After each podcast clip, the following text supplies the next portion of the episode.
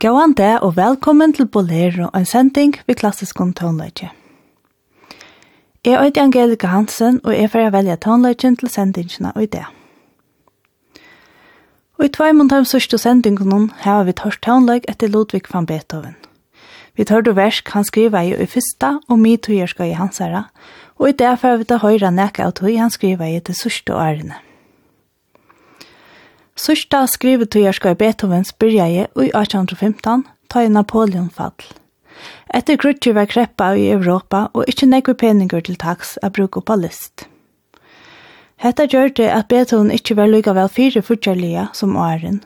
Høysan var ikkje av det beste helter, og ofta var han sjukur og sanja lakster, og langt i 1818 var han holdt deiver. Hetta tøyarskøy er ekkjent av hans vilja til å finna nutja ljåmyndir, skriva torførere tånløg og flatta eldre polyfoniske stilar, og et nu eins og bakk og hendelgjørto inn i tånløg hans herra. Tøy ser man at Beethoven brukar øtne fokur i sørsta tøyarskøyen. Hese sørste årene skriva i Beethoven kanskje ikkje så rikvo mykje, men verskjene var framsøkjen, og han brukte nekva tøy oppa mynda tøy. Han skriver øsen serie langverk, det er langst klaversonatene, langst tema og variasjoner, langst av kørverk og langst av strøndrekvartetter, og langst av symfoniene. Og alle disse verk var å skrive i medan han var høyt døyver. Nutjenta symfoni Beethovens er nok kjentaste versk hans herre, og han er fyrsta døme på en symfoni her sjål og sangarer og kør er nøyt. Og i sørsta satse brukar Beethoven antifrøyde og en erstring etter Friedrich Schiller – Symfonien etjar til brøverskap og viser av menneske og vilja finna fri. Hentan symfonien hever vært til stauran iblåster til 17 tonaskuldun i romantiska tøyerskøynon, så som Wagner, Liszt, Brahms, Schumann, Bruckner og Mendelssohn. Vi skulle nu høre annan sats målte vi vært til nødgjende symfoni Beethovens, opus 125, og i nevnes koral. Det er rovinar filharmonikarner i spillet under løslo av Leonard Bernstein. Musik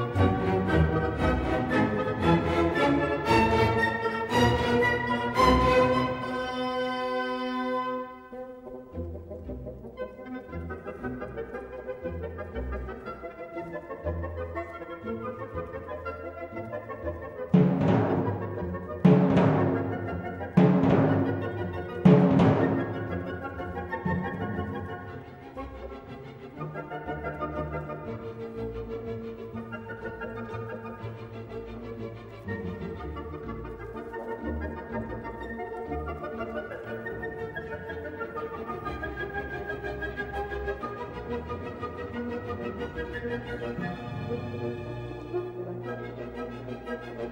you.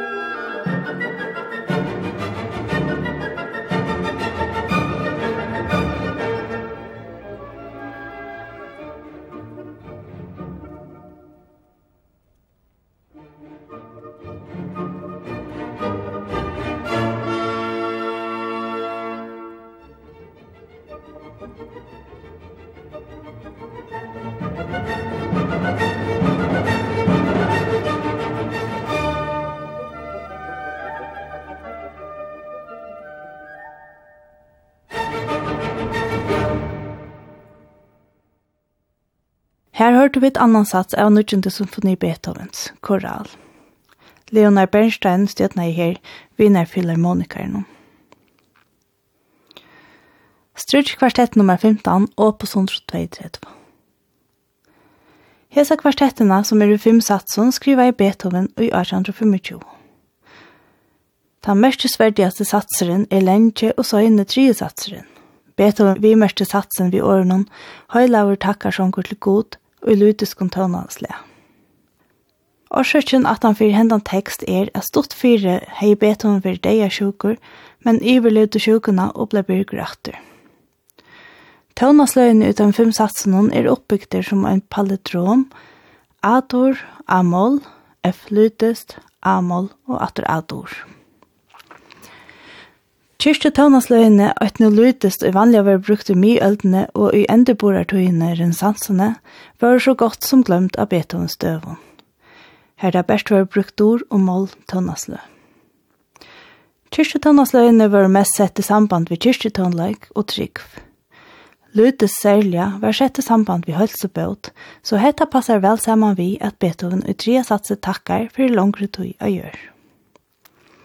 Og i 1822 gjørtes Beethoven atter sjuker og da er øynene 6,5 år gammel. Iver 20.000 folk kom mot lærere for hans herre. Vi får nå høre at den danske strykvartett spiller 15. strykvartett i A-mål og på 132 etter Beethoven.